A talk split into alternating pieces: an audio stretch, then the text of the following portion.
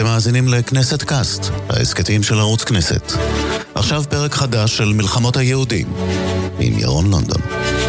מלחמות היהודים הוא שם ספרו המפורסם של יוסף פלביוס, יוסף בן מתתיהו, ואנחנו uh, כאן שאלנו את השם הזה לצורך סדרה של הסכתים שיעסקו, עוסקים ב...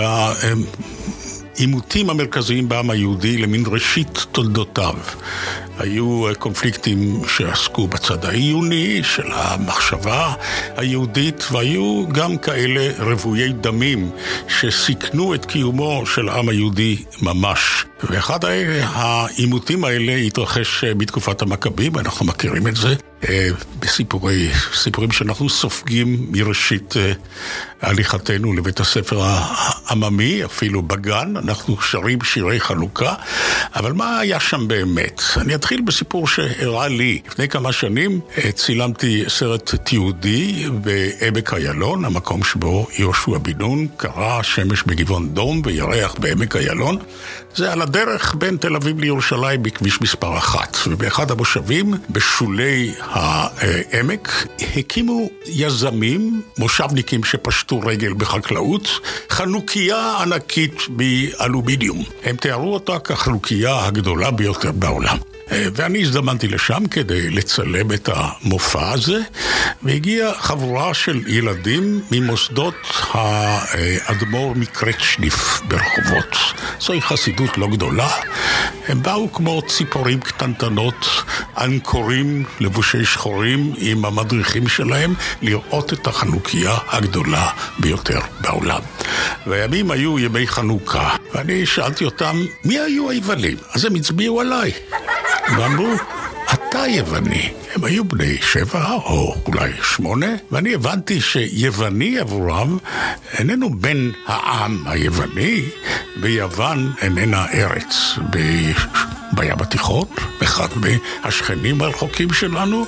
יווני זה מושג תרבותי, זה אדם שמתבולל, או יהודי שמתבולל. ואת המושג הזה הם לקחו כמובן מתקופת החשמונאים. אז אנחנו נדבר על הצדדים התרבותיים והחברתיים של תקופת החשמונאים, מפני שעל הקרבות של יהודה המכבי וארבעת אחיו נכתב הרבה, אבל מי היו הקנאים ומה היו המריבות בתוך העם היהודי באותה תקופה? הבן שיחי הוא פרופסור דניאל שוורץ, הוא uh, מלמד באוניברסיטה העברית בירושלים, עוסק בתקופת הבית השני, uh, ובמיוחד uh, בהיסטוריוגרפיה העתיקה והמודרנית שלה, תקופה, הוא גם תרגם את שני ספרי המכבים. הוא ראש אקדמי של מרכז מנדל סכוניון למרכז, למחקר רב-תחומי במדעי הרוח והיהדות. שלום לך ותודה שאתה הצטרפת אליי. אז נאמר כמה עובדות היסטוריות כדי לקצר, כי אמרתי שעל הצד הזה אנחנו נדלג או נתייחס אליו בשטחיות מסוימת. אה, בשנת 334 לפני הספירה אה, יוצא אה, נסיך או מלך מממלכה קטנה מאוד בצפונה של יוון, על גבול בולגריה, טורקיה, יוון של היום, מקדוניה, ותוך 11 שנה בלבד הוא כובש את מחצית העולם. הוא מגיע עד נהר ההינדוס שחוצץ בין אפגניסטן לבין הודו ועד מאוריטניה או, או לוב מהצד השני, ובגיל 33 הוא כבר מת. ואחריו הוא משאיר דיאדוכים. את אה, ממלכתו הוא מוריש לשלושה גנרלים, אחד מהם אה, מושל באזור של סורקי, אה, טורקיה, של סוריה, ארץ ישראל, המלכות הסילבקית. כן, באותם הימים, מהי ממלכת יהודה? זה 1,600 קילומטרים מרובעים סביב ירושלים בסך הכל. יהודה המכבי, כפי שידוע לכולנו, ואחר כך אחיו, מנצח את הסילבקים בשורה של קרבות, ומכונן ממלכה. עכשיו, תוך זמן קצר מאוד, תוך שלושה ארבעה דורות הממלכה הזאת מסתיימת. אבל כבר בדור השני, או לכל היותר השלישי, אפשר לראות את זה לפי השמות של המלכים, הם מתייוונים לחלוטין. כלומר, אין הבדל בין המנצחים לבין המנוצחים מבחינה תרבותית, או כמעט שאין הבדל. הם מתייוונים לחלוטין. אז על התהליך הזה, מה שקרה, ומי היו היהודים באותה תקופה, ומה היו היו המחלוקות ביניהם באותה תקופה? אני אשוחח עם אה, דוקטור שוורץ. טוב, הפרסים ששלטו באזור הזה אה, אפשרו לממלכה הקטנה הזאת לפתח את תרבותה היהודית. וכך נהגו בעצם בכל המרחב שבו הם שלטו. אבל ליוונים הייתה אסטרטגיה אחרת. ולהנליסטים, כלומר יורשיו של אלכסנדר בוגדון, הייתה גם כן אותה, אותה אסטרטגיה. אתם לא תהיו אחרים, נכון? זה היה, זה היה העניין. אתם רשאים לא להיות אחרים, וכדאי לכם לא להיות אחרים. אנחנו לא, לא שומעים עד ימי אנטיוכוס על כפייה, אבל על פתיחת האפשרות והמשיכה אנחנו בהחלט שומעים ורואים. יחד עם עוד הבדל, הייתי אומר, בין השלטון היווני בארץ והשלטון הפרסי. לפני כן השלטון היווני היה הרבה יותר נוכח. אה, אנחנו, אצל הפרסים אנחנו רואים שהם נתנו לכהן הגדול לנהל את העסק בשבילם, הוא אפילו טבע מטבעות, וככל שהיה שקט ו... כנראה שהיו מיסים, אנחנו שומעים לפעמים מיסים. הפכה, שלפעמים גם היה פכה יהודי, כמו נחמיה, לא כל כך היה מעורב. אנחנו לא שומעים על פקידות, אנחנו לא מוצאים את הכתובות של השלטון, ואנחנו לא שומעים כמו שאנחנו שומעים בארץ ישראל במאה השלישית, בזמן הדיאדוכים, היורשים, על מלחמות בין מלך הצפון ומלך הנגב, כמו הסרפקים והתרמים, שצבאות גדולים של דוברי יוונית עוברים הנה והנה. כל הדברים האלה של נוכחות של התרבות האחרת, אנחנו מוצאים אותם הרבה פחות. הפרסים לא ניסו, או באופן סטיחי, התרבות שלהם לא חדרה גם למרחב שלנו? התרבות חדרה במשהו, בוודאי הסימן העיקר הגדול, השפה הארמית שהייתה משותפת לכולם, אבל אנחנו לא מוצאים כדוגמת הציוויליזציה ההרניסטית באזור שלנו, אין, אין דבר שמשתווה לזה. אז, אז אם תשווה את זה נגיד לתקופה הקולוניאלית, אה, בשלוש מאות השנים האחרונות, נאמר, השתלטותם של האימפריות הגדולות, האנגלים, הצרפתים, ההולנדים וכדומה. אז אה, האנגלים אפשרו לתרבויות השונות אה, במחצית העולם שעליו הם שלטו להתפתח, אבל התעשייה הייתה משועבדת לליברפול, נניח. והשפה האנגלית נכנסה והרבה מן הטכנולוגיה השתנתה בעקבות השלטון האנגלי באזור שלנו. אבל פחות או יותר מתון. כן, לא הייתה כפייה. לא מומלץ להשתמש בכוח אם לא מוכרחים. לא, לא, גם לא מדובר בכפייה, ואני גם לא יודע אם אידיאלית מישהו שאף לזה, גם לא בתקופה, גם לא בתקופה, בוודאי לא בתקופה הפרסית, אבל גם לא בתקופה ההלניסטית. הייתה אפשרות כזאת, והיה כדאי לאנשים להתקדם, ויהודים ראו שמי שמוצלח בעולם ומצליח לכבוש את העולם, והוא עשיר, הוא יווני, והוא, ויש לו תרבות יוונית, אז אולי זה גם בשבילנו. כן, איך מתלהט המאבק בין הסילבקים לבין היהודים? אני חושב שמצד אחד הייתה, נגיד, התייוונות על אש נמוכה, הייתי אומר, במשך הרבה זמן. שרואים, אנחנו רואים גם בשמות, עוד לפני מרד המכבים, רואים את הכניסה של שמות יווניים ושומעים על פתיחה של um, uh, גימנזיון בירושלים, לא דווקא של סוטים, אני לא יודע מה יחשבו החסידים שלך מרחובות על זה, אבל uh, גימנזיון של יהודים בתוך העיר ירושלים. מה זה גימנזיון בתרבות ההלניסטית? והם לומדים את השפה היוונית, ולומדים את זה גם עם התכנים התרבותיים היוונים שבאים יחד עם זה. יש גם ספורט, אנחנו שומעים על ספורט, אנחנו בוודאי יכולים... ספורט, יכולים... ואסתטיקה בכלל. אסתטיקה, בר מכבים מדבר על זירת ההתעמלות, כן? שיש, מה שנגרר אחרי התרבות הזאת, אבל היא לא בכפייה, והיא לא באה לשלול משהו אחר, היא איזו תוספת שאדם לא חייב לבחור ביניהם. מה שקורה הוא, אתה שאלת מה גורם להתחממות בימי אנטיוכוס אפיפנס, שיש גם הצד הפוליטי של העניין. יש ליהודים, או אנשי יהודה, באותה תקופה יש להם זיכרונות שפעם הייתה ליהודים עצמאות, הייתה ממלכה בימי בית ראשון, יש נבואות שעתידה הממלכה לחזור, וחשבו שהגיעה שעת כושר. כן. כי במאה השנייה... עכשיו, בין, בין הקבוצות בתוך ה... העם היהודי בארץ ישראל שמנה כמה? בערך שני מיליון אנשים לפי הדמוגרפים? בדרך כלל אומרים יותר קרוב למיליון אחד, אבל זה... בערך ככה. כן. אז אני מניח שהייתה הבועה התל אביבית, שהייתה ירושלמית. כן. אה, ובין העיקרות. אני מניח שבין יודעי קרוא וכתוב בשתי שפות, הפוליגלוטים, שידעו גם ערבית, גם יוונית וגם עברית, אני מתאר לעצמי, שלוש השפות. היו אנשים שידעו את כולם, כן. נכון, כן. וכאלה שלא ידעו. אה, ידעו אה, משכילים ופחות משכילים. הקונפליקט בא לידי ביטוי בהבדלים המעמדיים האלה או התרבותיים? יש להניח שאתה רואה שכאשר פורץ המרד הוא מתחיל לא בעיר, הוא מתחיל בכפר, הוא מתחיל במודיעין, בקרב אנשים שאחר כך יורדים למדבר או נכנסים להרים. Uh, בתוך העיר יש יותר נוכחות סרבקית, יותר קשה להתחיל את המרד בעיר, ויש גם יותר יהודים שנמשכים לצד הסרבקי, כי מטבע הדברים זה נגיש להם, זה שם איפה שהם חיים. אז המרד מתחיל במודיעין, וכהן כפרי, מתתיהו, אה, מרים את נס המרד כאשר מצווים עליו להשתחוות אה, לפוטום, על הפסל של, של, של המלך. להקריב קורבן, כן. להקריב קורבן.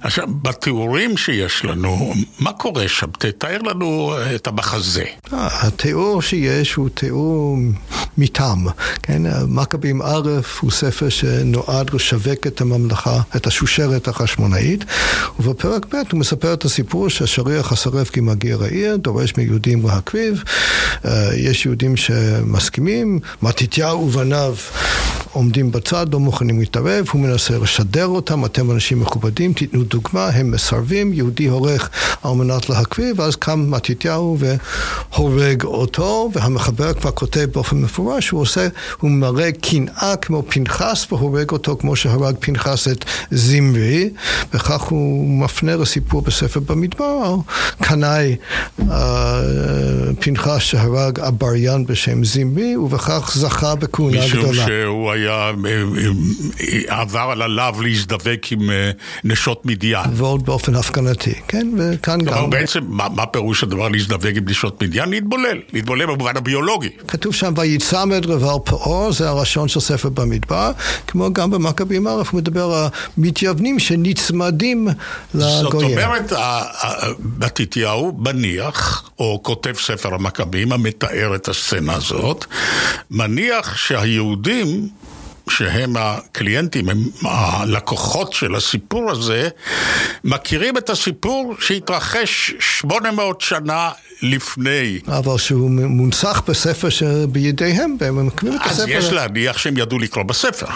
ויש להניח שהסיפור הזה היה סיפור מקובל ומוכר. בהחלט, בהחלט. והמחבר משתמש בסיפור הזה כמו שהוא משתמש בהרבה סיפורי מקרא.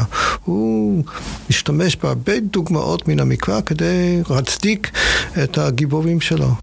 זאת אומרת, השימור הזיכרון ההיסטורי היהודי בתקופה ההיא, הוא ממש, זה בתקופה ש... כותבים על פפירוס או על, על אור, לא כולם יודעים קרוא וכתוב, וזה יש, מספיק יש, יש גם תרבות אוראלית, אוראלית והם זוכרים את הסיפורים האלה, הם עוברים מפה לאוזן. ויהודי יודע, היה פעם פנחס קנאי, ומתתיהו עושה כמעשהו. ומתתיהו עושה, ולכן גם זכאי למה שפנחס זכה בו, כהונה גדולה, וזה מה שהחשמונאים זוכים בה. אהה. עכשיו, מנקודת רבותם של הסילבקים, שיושבים איפה? בדמשק של היום? לא, באנטיוכיה הבירה שלהם, מגיעים גם עד דמשק, אבל הבירה שלהם בצפון, באנטיוכיה. איזה שכל, איזה אינטרס יש להם להתגרות בעם שבניגוד למה שהמסורת היהודית אחר כך אה, אוהבת לבטא, זה את אהבת השלום, את היהודי הקצת לייבך שלא יודע להחזיק בחנית ובחרב או ברובה, שהוא איש תורה. האמת היא אחרת לגמרי. אם בתקופה, בתקופה הרומאית שתבוא עוד מעט אה, צריכים להזעיק אה, שבעה לגיונות רומאים כדי לנצח את היהודים בירושלים, יש להניח שיהודים ידעו כהוגן להילחם, ויש גם אה, שכירים יהודים שיושבים במצרים. אז אז זה עם לוחם, למה להתגרות בו? כאן הגעת לשאלה של מי התחיל, כן? מי התחיל, ולפי מה שאני נוטה להאמין, היהודים שניזונו מתקוות שפעם תהיה לנו שוב מרוחה, מאז רובבר אין כבר איש מבית דוד, אבל הבטיחו שיהיה עוד פעם איש מבית דוד. ראו שהרומאים פעמיים מצליחים להשפיר את הסרבקים בשנים האחרונות. הם השפירו את אביו של אנטיוכוס אפיפנס במאה ה-90 והשפירו את אנטיוכוס אפיפנס עצמו במאה ה-68 והנה באותה שנה יש מרד בירושלים. מול המרד הזה אנטיוכוס מפעיל גזרות שזה קרי בידו כדי לדכא את היהודים. זה כמו אצל אדריאנוס כעבור עוד כמה שנים כשבימי בר כוכבא יש מרד יש גם גזרות. אין לאדריאנוס סיבה דווקא להתגרות ביהודים אבל אם הוא צריך לדכא מרד של היהודים הוא ישתמש בכל הכלים שיש לו. הוא עושה טעות אסטרטגית חמורה. כן, שניהם, אדריאנוס זכה, ניצח בסופו של דבר, אנטיוכוס אפיפנס לא ניצח, הוא לא בדיוק נוצח על ידי יהודה המכבי, זה היה יותר קרב של למי יש נשימה ארוכה יותר ולמי יש עניין רב יותר. אחרי איזה עשרים שנים הסרבקים איבדו עניין בנושא והיו להם מספיק בעיות בפנים כדי לא להמשיך. אני, אני שאלתי אותך מקודם על, על פערים סוציולוגיים. היו גם פערים תרבותיים, ואומר, היו גם זרמי, זרמי מחשבה שונים ביהדות של אותה תקופה? כן, היו בהחלט. היו, ומה שמייחד את התקופה החשמונאית, שהם אפילו מקבלים שמות.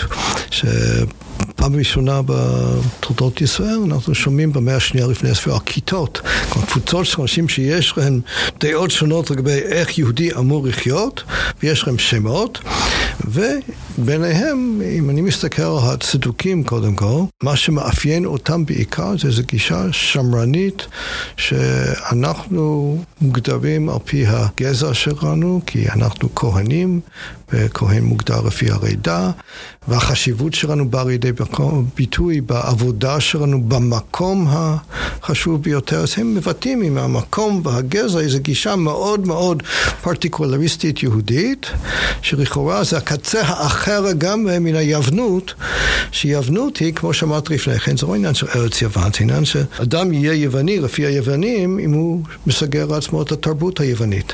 בשביל זה הוא הלך לגימנזיון, למד לדבר יוונית, לקח לעצמו את הערכים היוונים, והוא יווני, והיוונים מתפארים בזה, וכהן זה הקצה האחר לגמרי, קצה, אתה רואה איך אוריו כהן אם הוא נולד את הכהן. כהן פירוש הדבר צאצאיו של אהרון? בני אהרון, הכהנים אצל היהודים, כמו שעד היום, זה עניין סגור מבחינת הגזע. היוונים ממש לא היו סגורים מבחינת הגזע, ולא רק זה, גם הדבר האחר, היוונים לא היו סגורים מבחינת המקום. אתה יכול להיות יווני באפגניסטן אם הלכת לבית הספר הנכון. אתה יכול להיות יווני בירושלים, באלכסנדריה, בצפון אפריקה.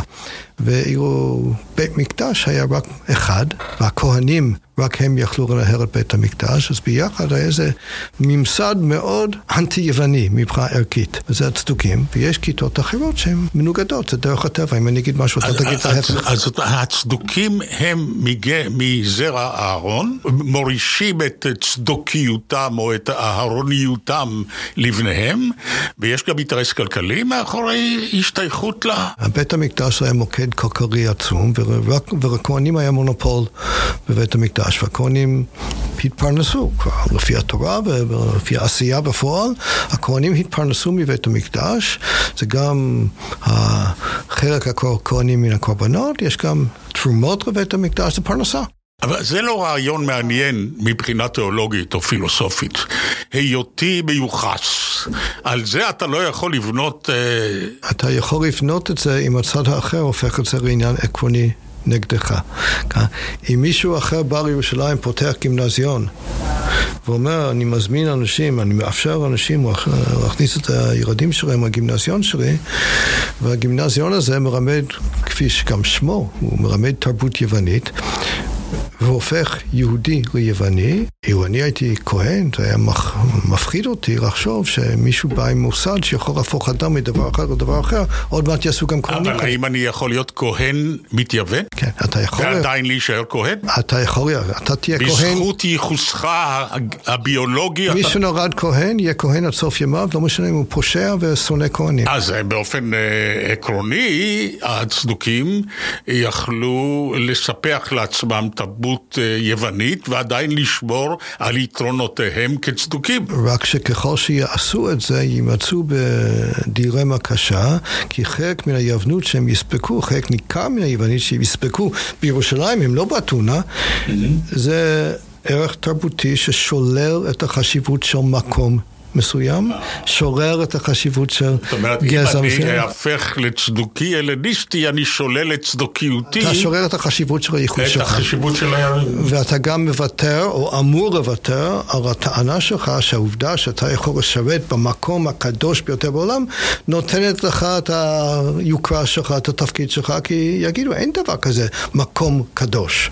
כל המקומות הם שווים. אז אה, אם אנחנו נשתחרר רגע מהאהדה היהודית שלנו לפולחן המקדש וכדומה, אנחנו יכולים לומר שזאת אה, אוליגרכיה, אה, שיש לה, משמרת גם בעיקר עיתונות כלכליים. כן, אבל אני הייתי הופך את זה לעניין כלכלי בלבד. כן. הדברים האלה באים מן התורה, באים מן המסורת.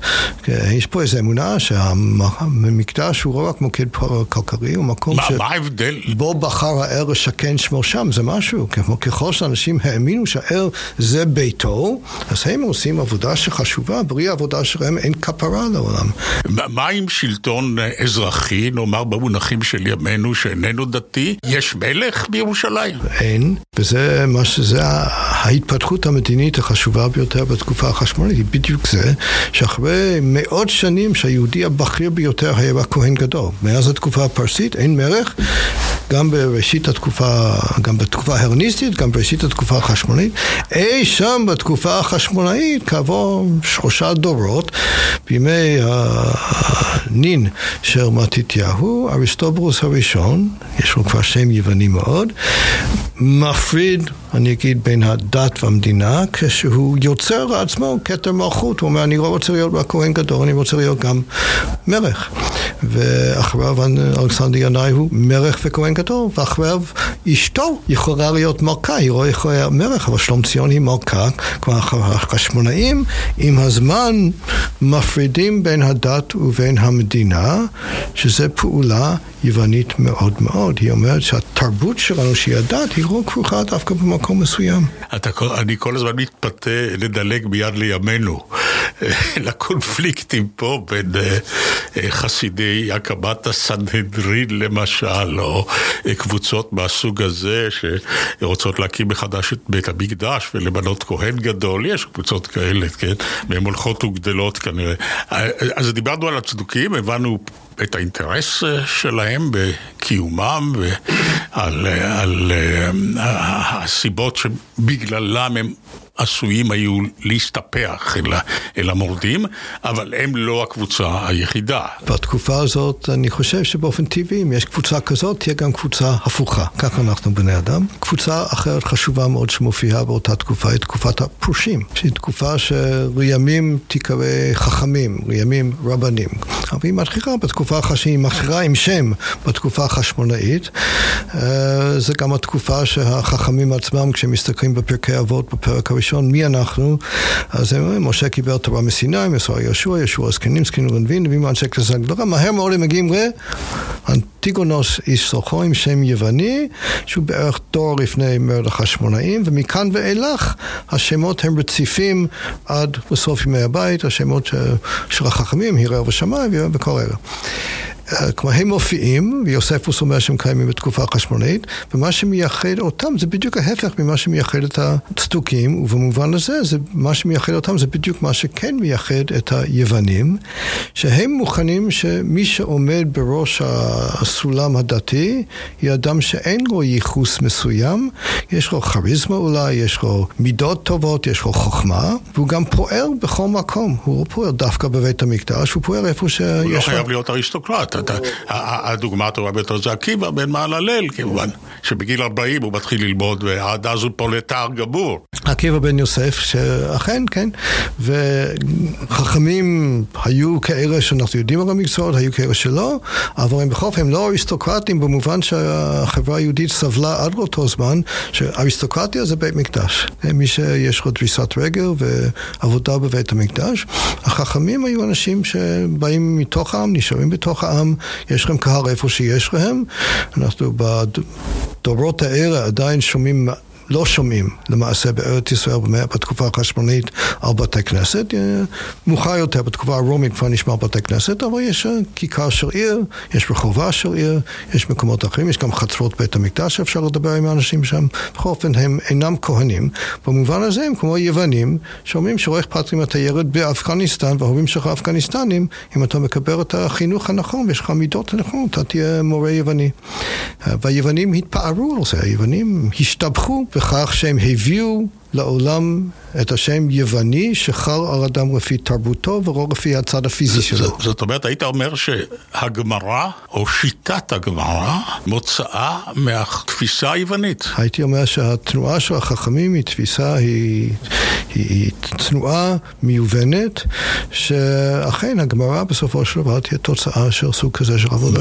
ואתה רואה את ההשפעה הברורה של ההלניזם על ההתפתחות של החשיבה היהודית, או של דרך העיון היהודי? כן, נראה לי ברור שאם אתה חי תחת שלטון של אנשים ויש לך שכנות עם אנשים ואתה מתעמת עם אנשים ואתה מכבד ואתה מגנה, לא משנה, יש לך כל הזמן קשר עם אנשים ויש להם ערכים אחרים ואם אחר כך אנחנו מוצאים אותם ערכים, אותה שיטת עבודה, איפה מצאת בתנ"ך דיאלוג? אז גם אם אתה יהודי שפרוש קצת, מה, אתה לא גלובליסט, אלא אתה מנסה לשמור על ייחודך, אתה נאלץ, אם אתה יהודי ביקורתי קצת, להודות שעם כל הסכנות של הגלובליזם, אנחנו גם ספגנו דרך הגלובליזם את מה שהיהדות משתבחת בו. זאת אומרת, תרבות הדיון, היכולת לפתח אה, שיחה פילוסופית וכולי. אם תחפש בתנ"ך דיונים שדומים לדיונים הרבים כל כך ואופייניים כל כך של החכמים בספרות לא החכמים, במובן של מילים, במובן של מושגים, השימוש במילים ארתיראיות שיש להם אות בסוף, כן? כן. כל הדברים האלה נכנסו בתקופת בית שני והתפתחו בתקופת המשנה והתלמוד. אז דיברנו על הצדוקים ועל הפרושים, ויש עוד קבוצה אחת חשובה. יש עוד קבוצה אחת עיקרית, והיא קבוצת, אה, נקרא לה כת מדבר יהודה, יוספוס מדבר האיסיים, ובגדול אני אגיד שזה אותו דבר, יכול להיות שיש איזה שוני כלשהו, אבל זה שוני שאנחנו מתקשים לראות אותו. אה, יוספוס מדבר על שלושה זרמים, פרושים, צדוקים, איסיים, כי זה נוח לו לאזן את הסיפור, יש אחד גדול ואחד קטן ואחד באמצע, אז ככה איסיים. כשאנחנו מסתכלים על האיסיים היום, דרך מגירות מדבר יהודה, מה שמצאו בקומראן אה, במאה האחרונה, אה, רואים שזאת כת כהנית מאוד, בדומה לצדוקים, אבל היא כת כהנית שחיה בגולה.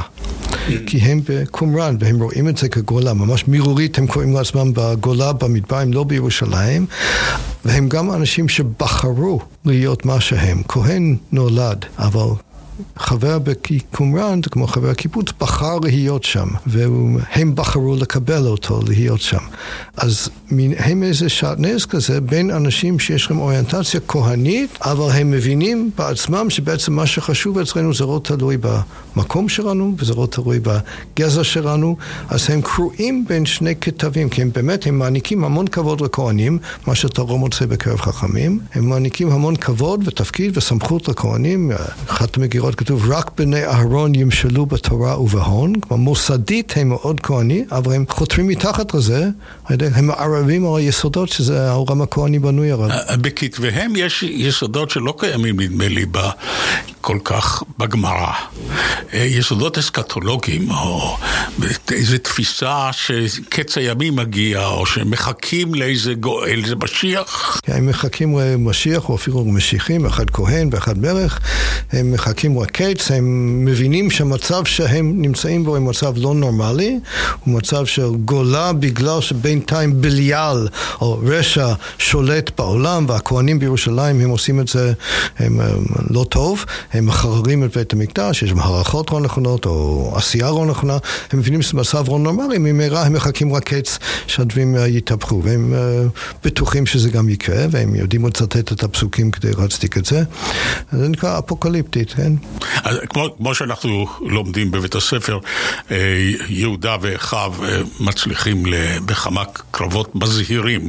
כנראה שיהודה היה אסטרטג יוצא מגדר הרגיל, וניצל את, את היתרונות של הלחימה ההררית ושל חיל הרגלים קל הרגליים, וניצח את הסלבקים עם פיליהם וכדומה, והם מכוננים ממלכה. הממלכה הזאת קיימת בעצם, זו הממלכה הכי ארוכת קיום בתולדותינו, חוץ מבית דוד אולי אחר כך, אבל זה, בעצם שם נגמרת האוטונומיה היהודית לדורותיה.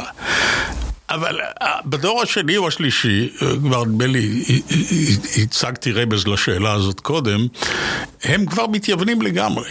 עכשיו, מה קרה? למה, למה המהלך הזה היה מהיר עד כדי אכזבה? הנה, סוף סוף יש מדינה יהודית בארץ ישראל, ובראשה עומדים אנשים שקיבלו חינוך כהני. אנשים דתיים, נאמר, בשומרי מצוות, טהורים, נקיים מבחינה מוסרית, ואלה אחרי, הנכדים כבר, הם מתנהגים כמו פריצי חיות, איומים ונוראים, טובחים אלה את אלה, מתהוללים, איום ונורא. מה קרה? אני חושש שזה תאריך טבעי, שאם אתה מקים מדינה, אתה יודע שהקמת אותה. ו... ואתה אמרת לפני כן, מי שהקים את המדינה ומי שניהר את המדינה היו אנשים דתיים, יראי שמיים נדמה לי שאמרת. אני רואה את זה במכבים א', הספר שהם הפיקו כדי להצדיק את עצמם. היסטוריה שושרתית קוראים לזה, היסטוריה של החשמונאים והזכויות של החשמונאים והאל בקושי נזכר שם בוודאי אחרי הפרקים הראשונים, והוא פחות או יותר, הוא, הוא זניח, הוא לא מעלה ולא מוריד, והזכויות הן זכויות שלהם. כשהם מצריכים זה בגלל שהם חכמים וגם אמיצים, וכשהם נכשרים, וגם זה קורה לפעמים, זה קורה שהם, כי בעולם יש גם מזל, הם כותבים על השעה, זו אמירה שלהם, קיירוס, שלפעמים משחקת להם, לפעמים משחקת לאחרים, ונדמה לי שאני מבין את זה היטב, הם אלה שעמדו עמדו, הם לא ראו בדיוק את ידו של האל באחד הקרבות האלה, אמ, והזכויות הגיעו להן. אלוהים לשלטון בחרתנו. משהו כזה. ובדור, נדמה לי, הרביעי, הם מכניסים לתוך בית המלוכה את הורדוס? לא, לא, זה, זה, זה, כבר, זה כבר מוגזם, הרומאים הכניסו את הורדוס. הרומאים הכניסו את הורדוס מאוחר יותר, אבל בדור הרביעי אתה כבר מגיע אריסטוברוס ואלכסנדר. אבל כאן הוא, הוא, אין להם שום מניעה לחתן את בנותיהם עם האיש הזה, הנורא. זה אני לא יודע אם יש לך מניעה או לא, אבל זה כבר קשור גם, נגיד, השאלה הספציפית הזאת, לא הייתי בונה עליה הרבה. המושגים שלהם לגבי נישואים של נשים לא היו בדיוק הנישואים של ההר. אני מתאר לעצמי, כן. טוב, עכשיו, אני, רוצה לשוחח איתך על, אה, על מה המורשת הזאת הותירה בנו. ראשית כל עובדה אחת אה, מרתקת, שכמעט כל ההיסטוריה, או ההיסטוריוגרפיה, היא כתובה ביוונית, והיא נשמרת על ידי לא יהודים. כלומר, אם זה היה תלוי ביהודים, בנו, לא הייתה תקופת, התקופה החשמונאית, ובוודאי לא כך כפי שאנחנו יודעים עליה. חשמונאים נזכרים מעט מאוד, מעט מאוד מאוד בספרות חכמים. החכמים שהם אלה שקבעו את גבולות התנ"ך שלנו, לא הכניסו בפנים לא את מכבים א' ולא את מכבים ב', שזה שני הספרים שמספרים את כל הסיפור. ופלביוס. ופלביוס יוספוס, הוא השתמש במכבים א'.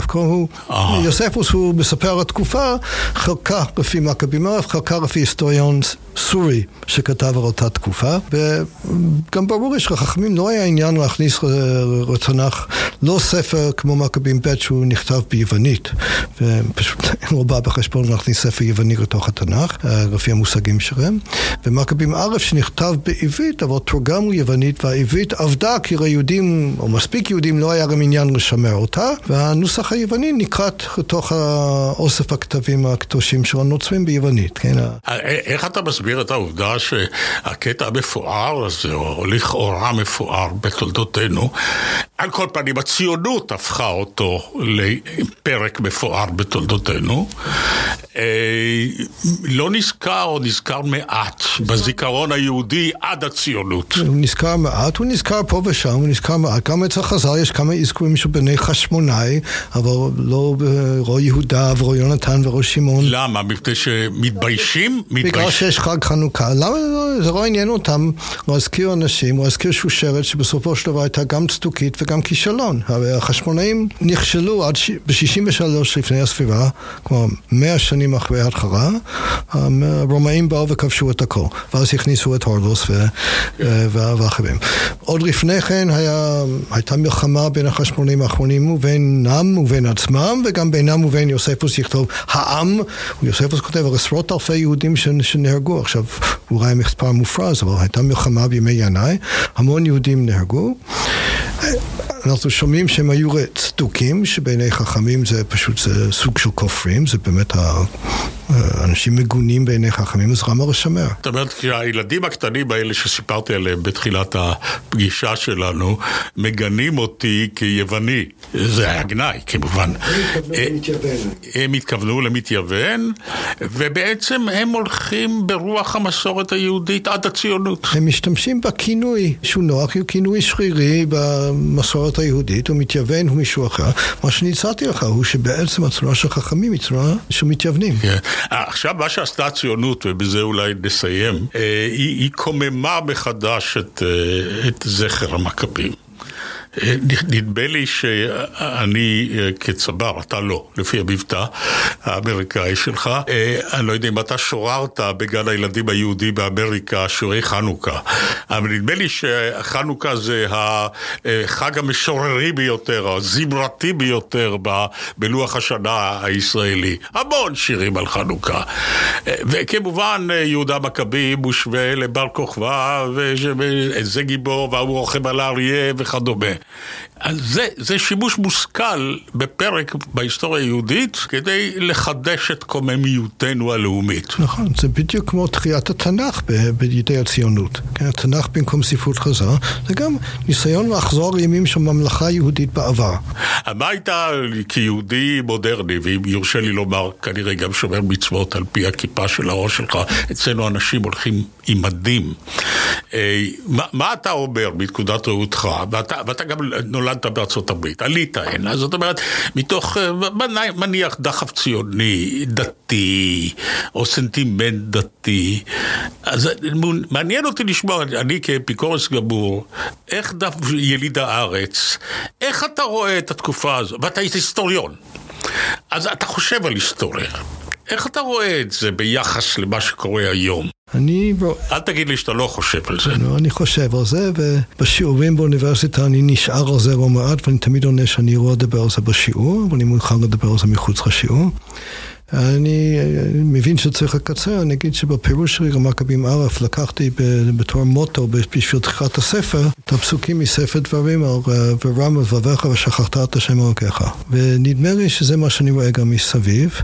אני חושש שזה תאריך טבעי, אמרתי את זה, שבנית מדינה, אז אתה בנית את המדינה, והיא בידיך. כל הנחות או אמונות לגבי אל הן מיותרות ולא מוכיחות את עצמן.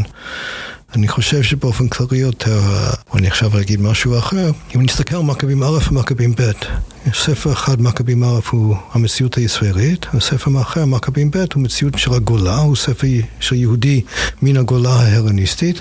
יש תהום ביניהם, לכן אני גם נוטה לדבר על יהודים בגולה ויהודאים, היום נגיד ישראלים בארץ ישראל, ויש תהום טבעית ביניהם, ואני רואה את זה מסביב היום, אבל אני רואה את זה בעיקר כי אני עוסק בשני הספרים האלה בעבר. אני מודה לך מאוד, לפני שניפרד ממש ונלחץ ידיים, להגיד שלום, אני רוצה לקרוא שיר מאוד מאוד מוכר, כי כל ילד בישראל שר אותו, אבל רק מעטים מתעכבים על הטקסט מפני שהוא מאוד מסובך.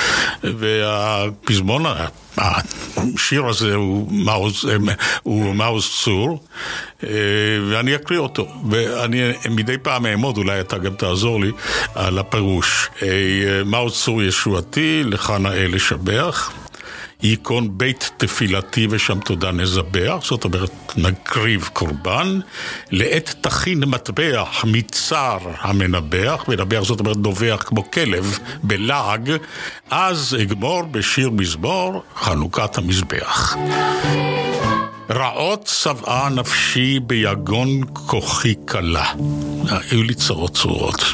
חיי מררו בקושי בשעבוד מלכות עגלה. מה פירוש עגלה? מצרים. ובידו הגדולה הוציא את הסגולה, חיל פרעה וכל זרעו ירדו כאבן במצולה. גם זה מובן, מספרים, הכותב שחי במאה ה-13, מספר את סיפור צרותיהם של היהודים וגאולתם צרה אחרי צרה. זו דרך לזכור את ההיסטוריה היהודית בראשי פרקים. דביר קודשו הביאני וגם שם לא שקטתי. דביר קודשו זה בית המקדש. הכוונה ארץ ישראל שזה בית המקדש. הביאני פירוש הדבר, הוא הביא אותי, כן? אבל למרות ששקטתי, ובא נוגס והגלני, כי זרים עבדתי, ויין רעל מסכתי, כמעט שעברתי, קץ בבל זו בבל, לקץ צבעים נושעתי. כלומר, אני חטאתי... כל בית ראשון זה בבית אחד. ברור. אבל למה? כי אני חטאתי. כי זרים עבדתי. קרות קומת בראש ביקש אגגי בן המדתה, זה המן הרשע, ונהייתה לו לפח ולמוקש, וגאוותו נשבתה. זאת אומרת, דווקא משום שהוא רצה להתעלל בנו, הוא נפל וכולי. ראש ימיני נשאת ואויב שמו מחית, רוב בניו וקנייניו על העץ תלית, המן בן עמדתה וכל, וכל הבתים. ועכשיו אנחנו מגיעים לפרק הרלוונטי עבור השיחה שלנו, מה קרה לנו בתקופת החשמונאים.